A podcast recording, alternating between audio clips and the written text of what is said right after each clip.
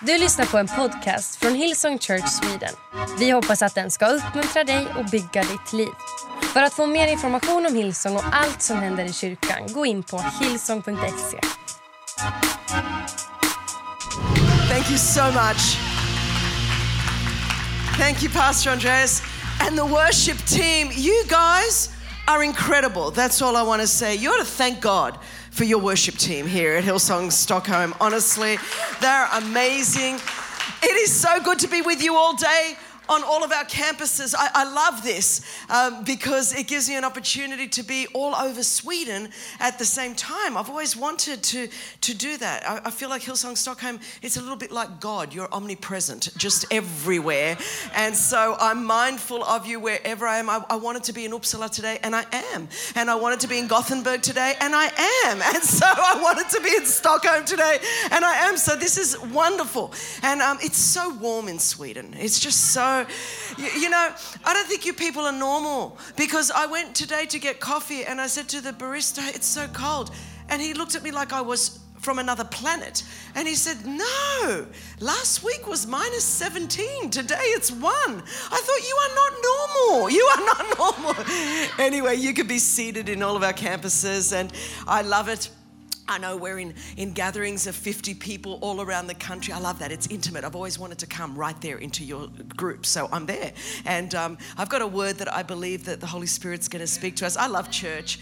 And I hope you had an opportunity to be part of our revival night. I felt revived. I don't know about you, but I felt revived. And I want you to know that what the Lord was doing here, um, of course, thank God for live stream. This is one of the great benefits of uh, the season that we're in. We're able to be everywhere and reach a whole lot more people than um, ever before. So, uh, you know, people are, are texting me late at night from all over the world talking about how inspired they were. And I need you to know, uh, talking about the presence of God through worship that came through the live stream. So, how many know that you can just be locked in and, and God can touch you wherever you are? Because that's the good news. And this, I think this is what the church is discovering again in this hour that the Holy Spirit's not limited by technology, He can be anywhere and everywhere at the same time. And so, I think that is pretty awesome. And and um, Nick and I just love, love, love, love Pastor Andreas and Lena um, so much. So it's beautiful when you can come and truly be with friends. It's one thing to pump up because you have to be nice because you're a Christian, and it's another thing to actually really mean what you say. So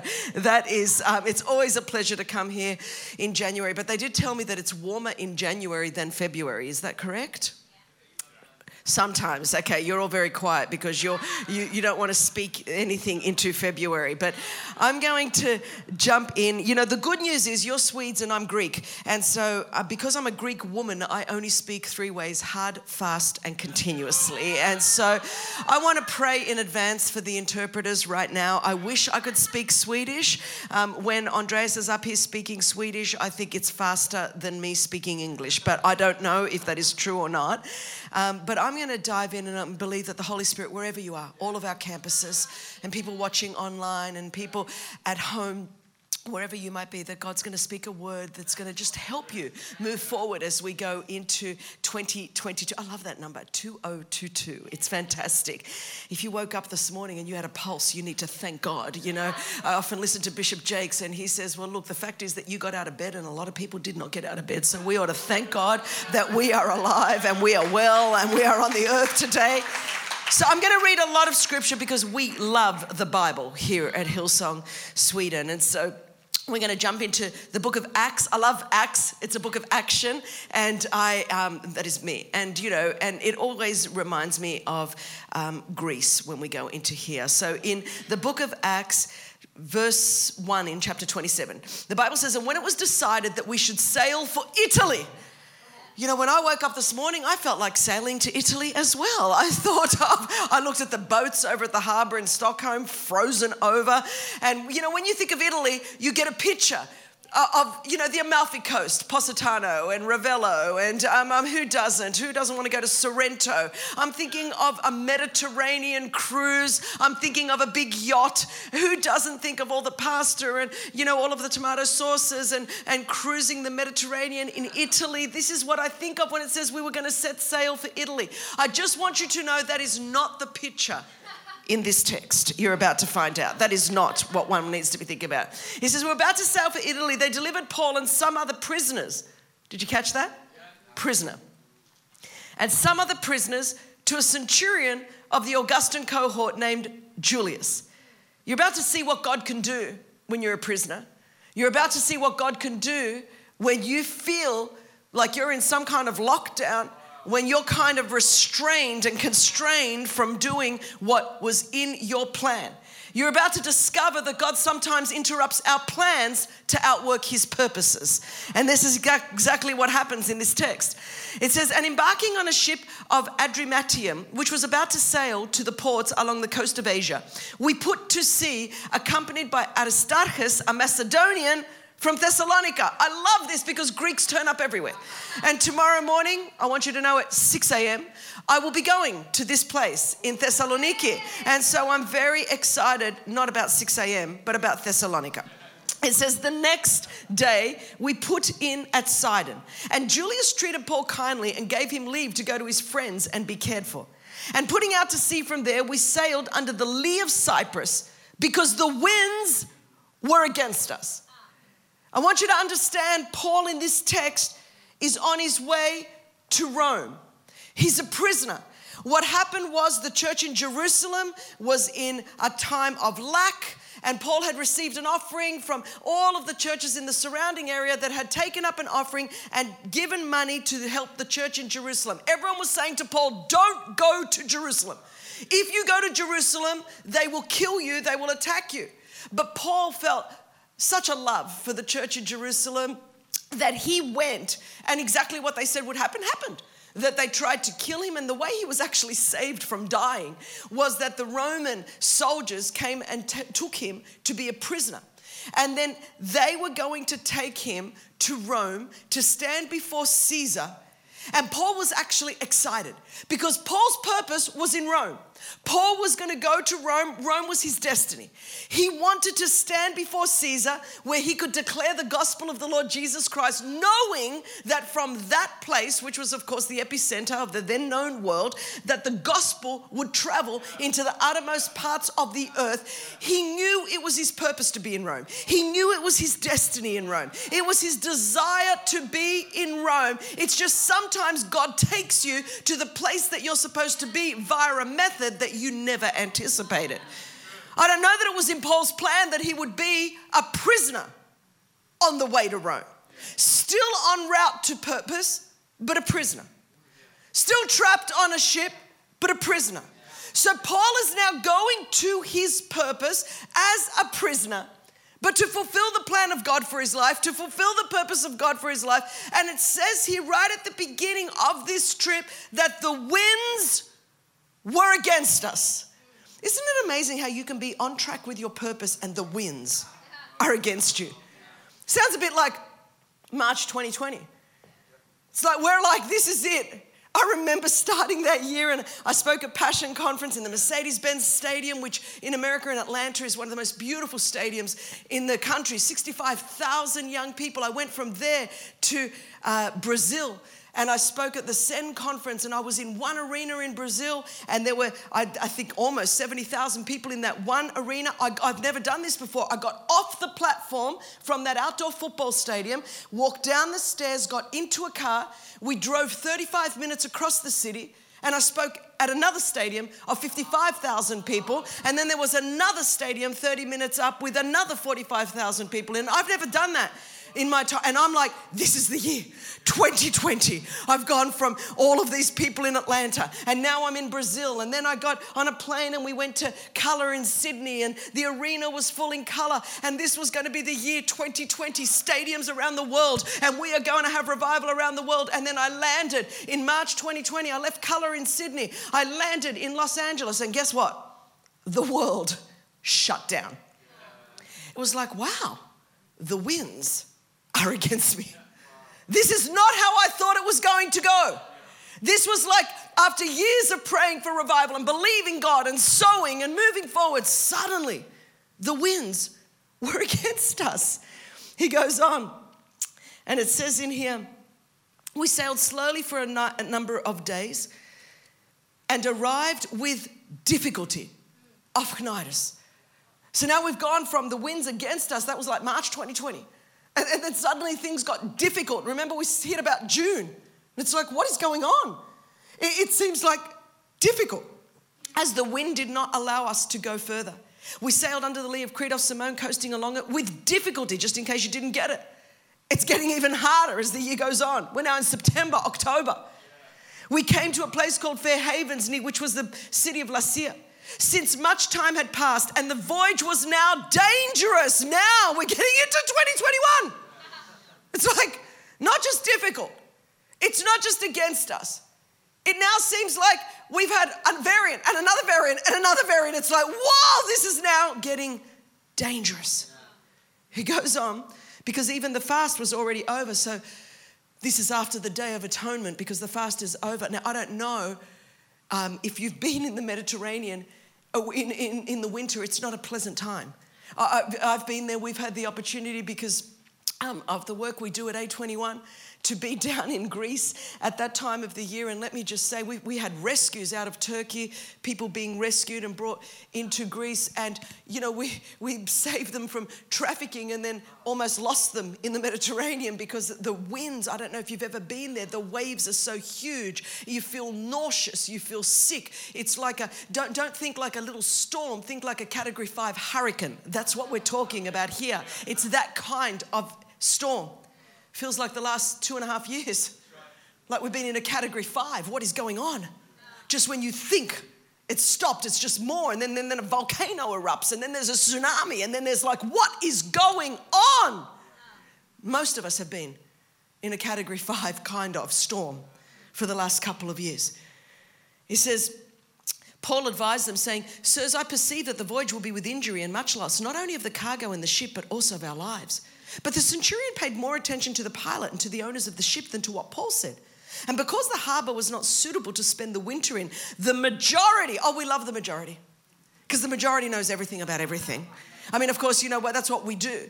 Most of us, instead of going to the Word of God, we'll just go to the Word of Twitter or the Word of Instagram or the Word of Facebook because the majority, oh, the majority knows. It says the majority. Um, because the majority decided to put out to sea from there on the chance that somehow they could reach Phoenix, a harbour of Crete, facing both southwest and northwest, and spend the winter there. Now, when the south wind blew gently, okay, man, we thought we had a reprieve. We, we, thought things opened up again. It's looking good. This is fantastic. Now, when the south wind blew gently, supposing they had obtained their purpose, they weighed anchor and sailed along Crete close to the shore. But soon, a tempestuous wind called the northeaster. You can Google northeasters in the Mediterranean. This is like the category five I'm talking about. Struck down from the land. And when the ship was caught and could not face the wind, we gave way to it and were driven along. Anybody felt driven along the last two years? It's like, man, I, I can't even make any plans. I don't even know what to do. I can't even resist. I'm just driven along. I'm just pushed into every direction and I've just got to go wherever it goes. Running under the lee of a small island called Cauda, we managed with difficulty, just in case you didn't get it. So you can be on course with your purpose, and it can be difficult, and it can be dangerous, and the winds can be against you, and you can be facing a category five, and you could just be driven along and still smack bang in the purpose of God. It goes on. After hoisting it up, they used supports to undergird the ship. Then, fearing they would run aground on the Syrtis, they lowered the gear, and thus they were driven along.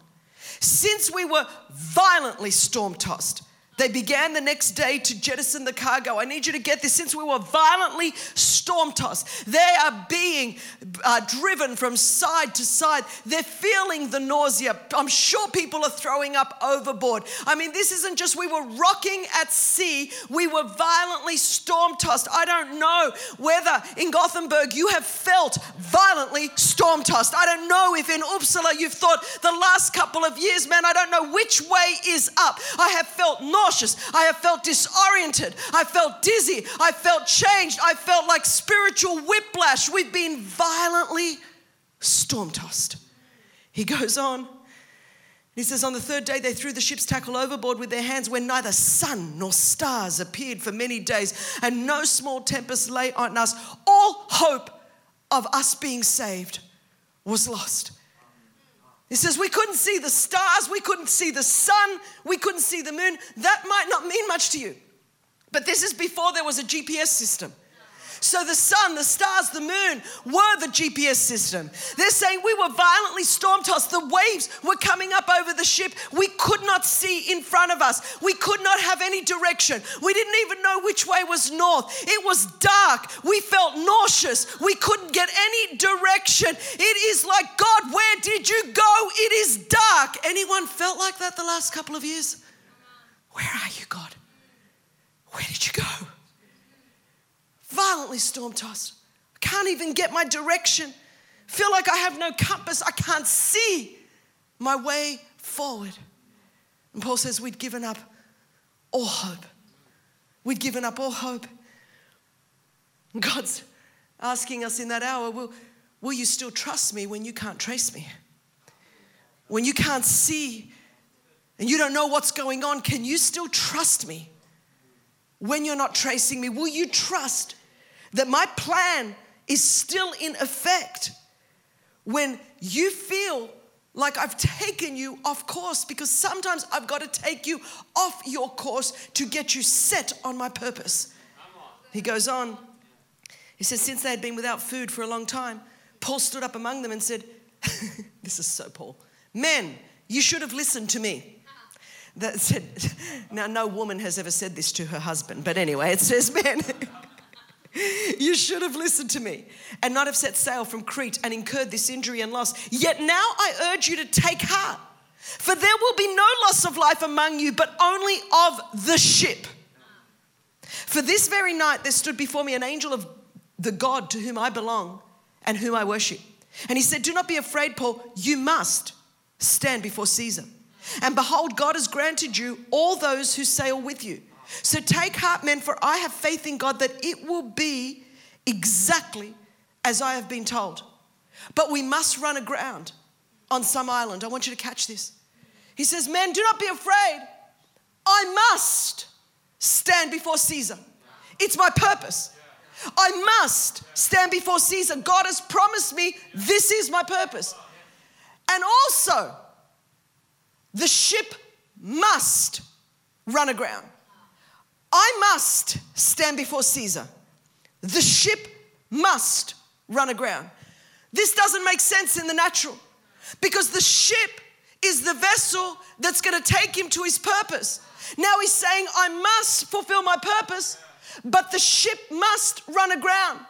You see, during these last two years, church, there have been some ships that must run aground. There are some relationships that had to run aground. There were some friendships that had to run aground. There were some things that had to run aground because our faith was in the ship, not in the promise.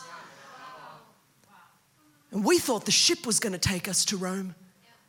And God said, I never told you it was that ship, that method, that strategy, that relationship. I never told you it was going to be that. I told you I would get you there. I would get you there. And our same God is going to get us there. But some of our ships have run aground, and some of us are offended at God because we lost the ship, even though we kept God. And we've gotten stuck because we got stuck in the way we thought God was going to get us there. And if you do that, you're never going to get to Rome. But when you can say, the ship must run aground, God, I don't know how you're going to do it. The Lord's taking you right back to when you first got saved because you never knew how He was going to get you there. It's just then we started and we got really good at our systems and our methods. And we thought it was this relationship, and we thought, man, if we do this business deal, and if we get connected to that, and if we do this, and if we use this method, and we use this strategy, and God's like, where am I? And some of us are so shattered because the ships have run aground that we've forgotten the promise and that we must stand before Caesar in Rome I'm here to remind you in Sweden, all over, that you must stand before Caesar. There's a promise. There's a promise, and that hasn't changed just because the ship must run aground. And if at 2022, you've got to move on from the ship because you got so stuck in 2020 and 2021 because you can't see how God's going to fulfill the promise because the ship has run aground. And the Lord's saying, No, no, you must stand before Caesar. What the Lord's revealed to us over the last couple of years is some of our idols. We trusted the ship more than we trusted Jesus. And Jesus is saying, I'm still here. My Holy Spirit still lives in you.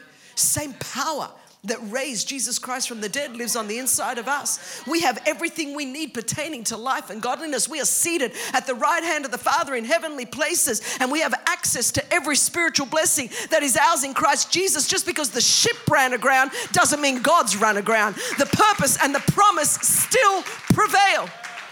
Still prevail. When we started, we had nothing but God. Remember when that was enough? And now we're here but we're here with Jesus. The goal isn't to worship the ship, the goal is to worship Jesus. So it goes on. And he says, When the 14th night had come, as we were driven across the Adriatic Sea, about midnight, the sailors suspected that they were nearing land. So they took a sounding and found 20 fathoms. And a little further on, they took a sounding again and found 15 fathoms. And fearing that we might run on the rocks, they let down four anchors from the stern and prayed for day to come.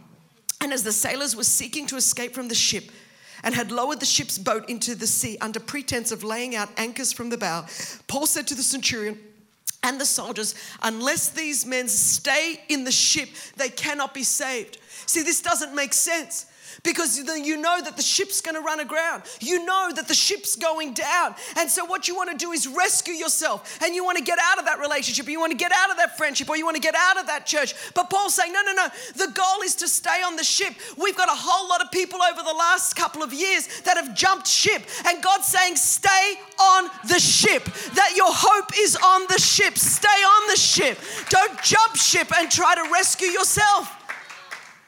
You stay on the ship. He goes on and says, As day was about to dawn, Paul urged them all to take some food, saying, Today's the 14th day.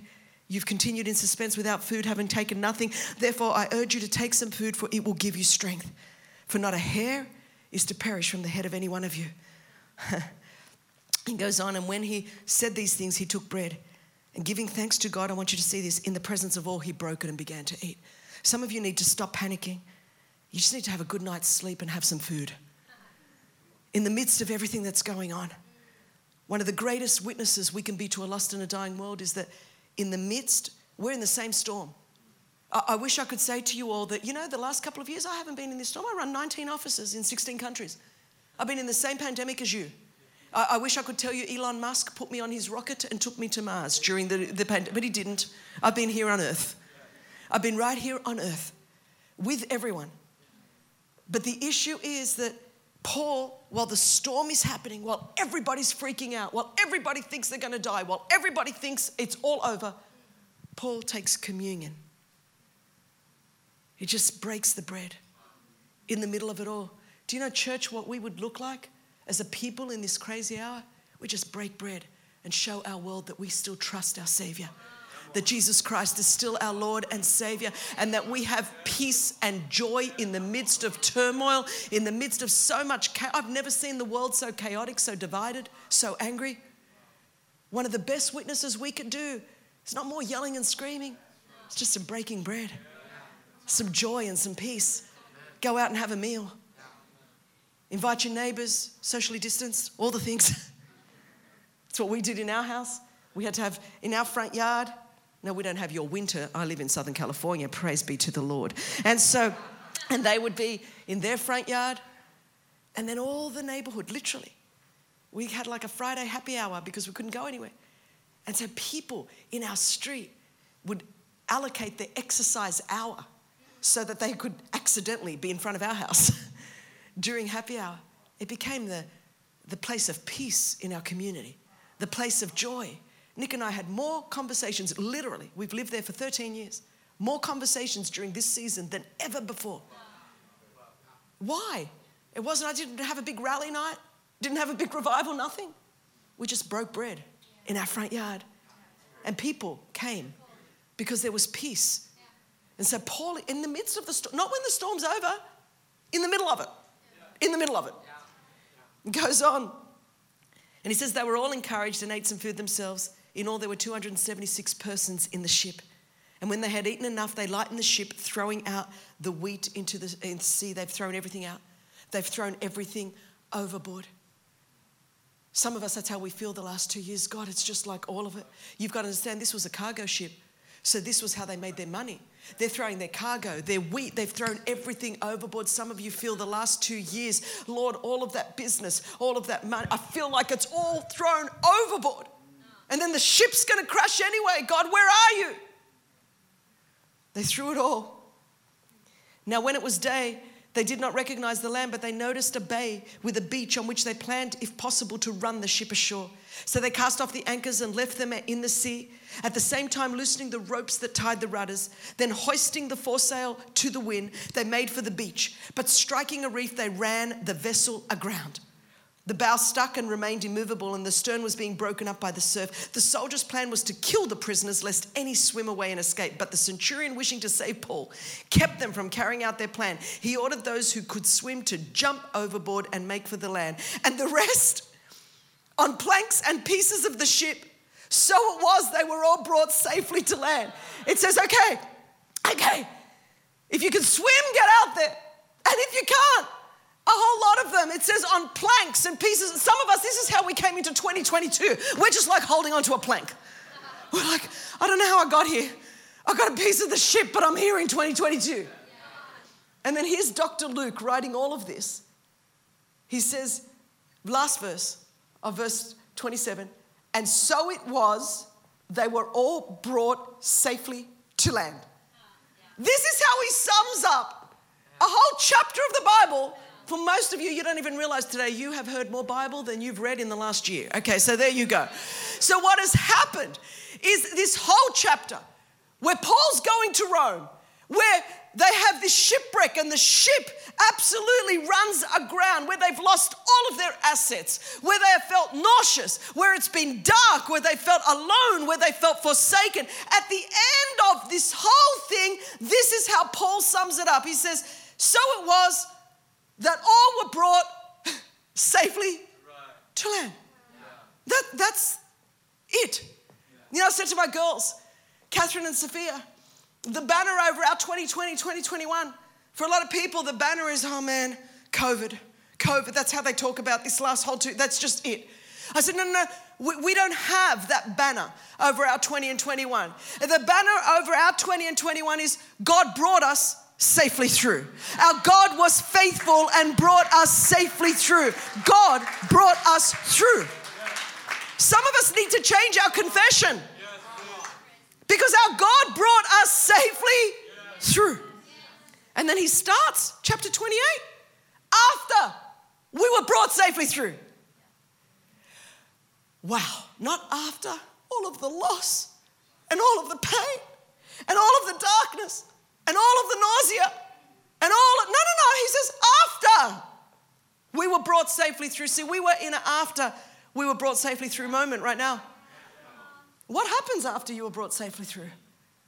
Let's see what God does. We then learned that the island was called Malta. That is hilarious. We then learned. Because we were going to Rome, the epicenter of the Roman Empire, to talk to Caesar. And then we learned that we're in this little island called Malta. 11 miles long, nine miles wide. I've been to Malta. I love it. It's tiny. But we didn't even know where it was. We, after we were brought there, we learned the island was called Malta. See, a lot of us in 2022, that's where we are right now. We, we didn't even know. If someone told us in 2020 we would be here, we'd go, Where's here? Oh, Malta. Economically, whoa, I, I'm in Malta.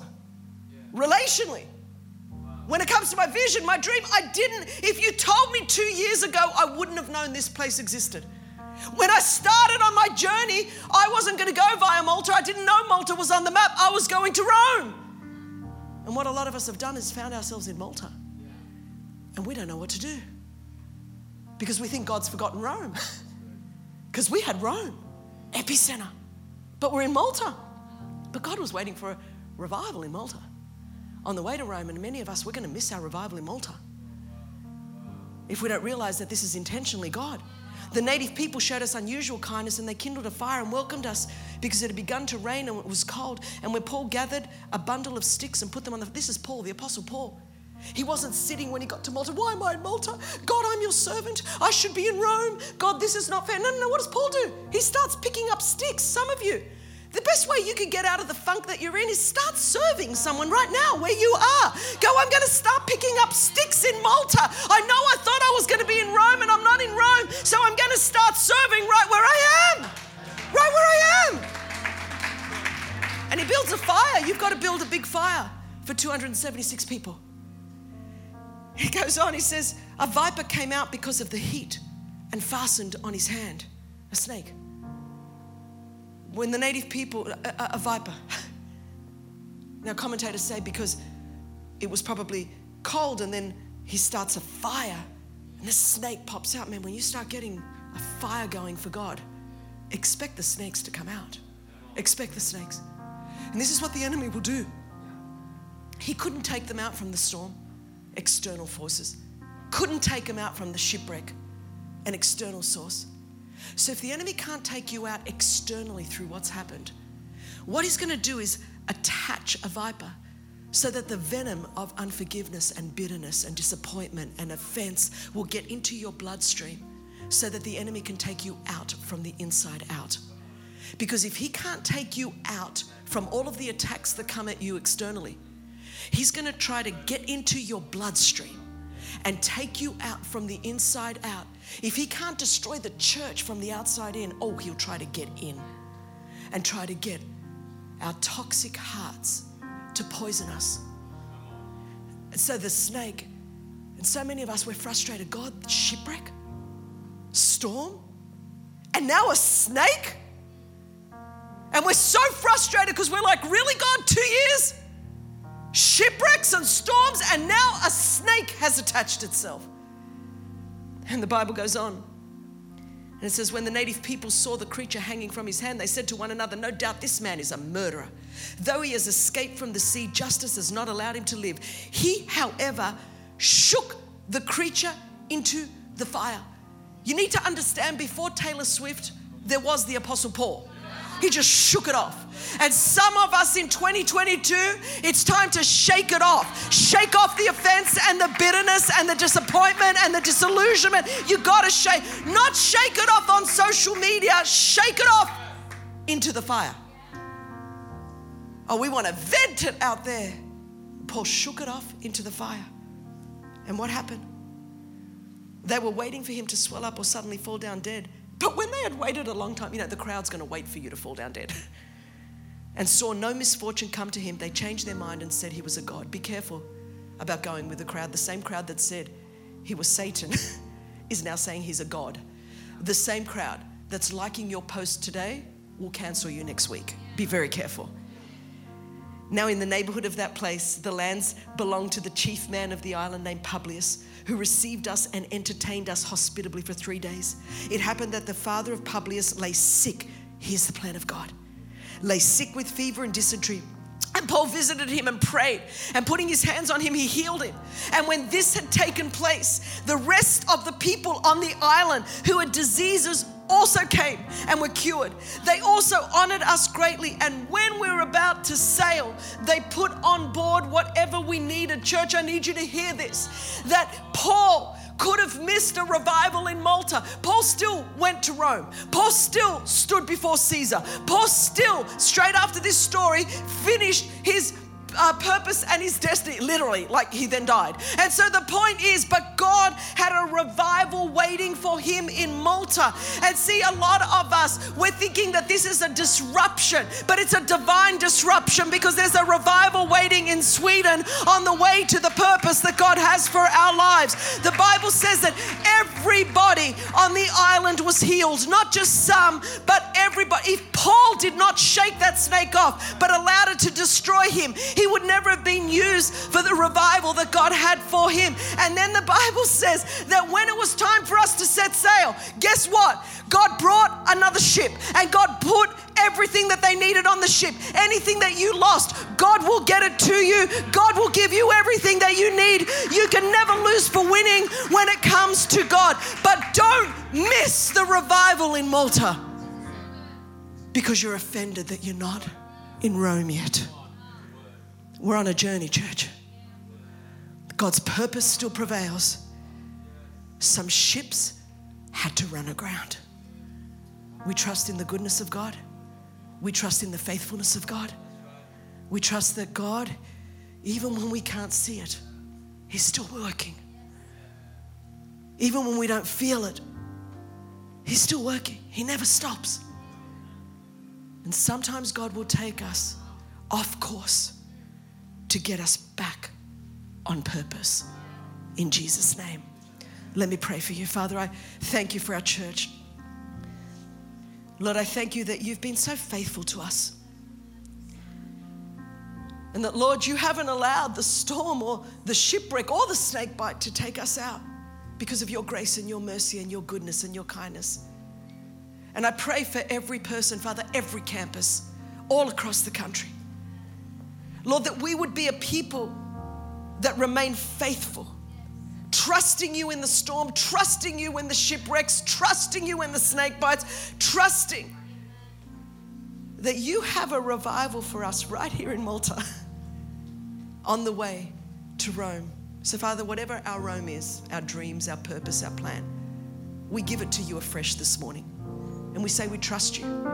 We can't see how it's going to happen in the natural, but we don't have to see because we walk by faith and not by sight. And Father, I speak that into our house this morning. We're a people of faith. And without faith, it's impossible to please God. And what is impossible with man is possible with God. And with God, all things are possible. And Father, all the promises of God are in Christ Jesus, yes, and in Christ Jesus, amen. Father, I speak that promise and that purpose over every life in Jesus' name. Amen, church. Amen. God bless you. Thank you. Du har lyssnat till en podcast från Hillsong Church Sweden. Om du vill veta mer om vår kyrka eller om våra söndagsmöten surfa in på hillsong.se.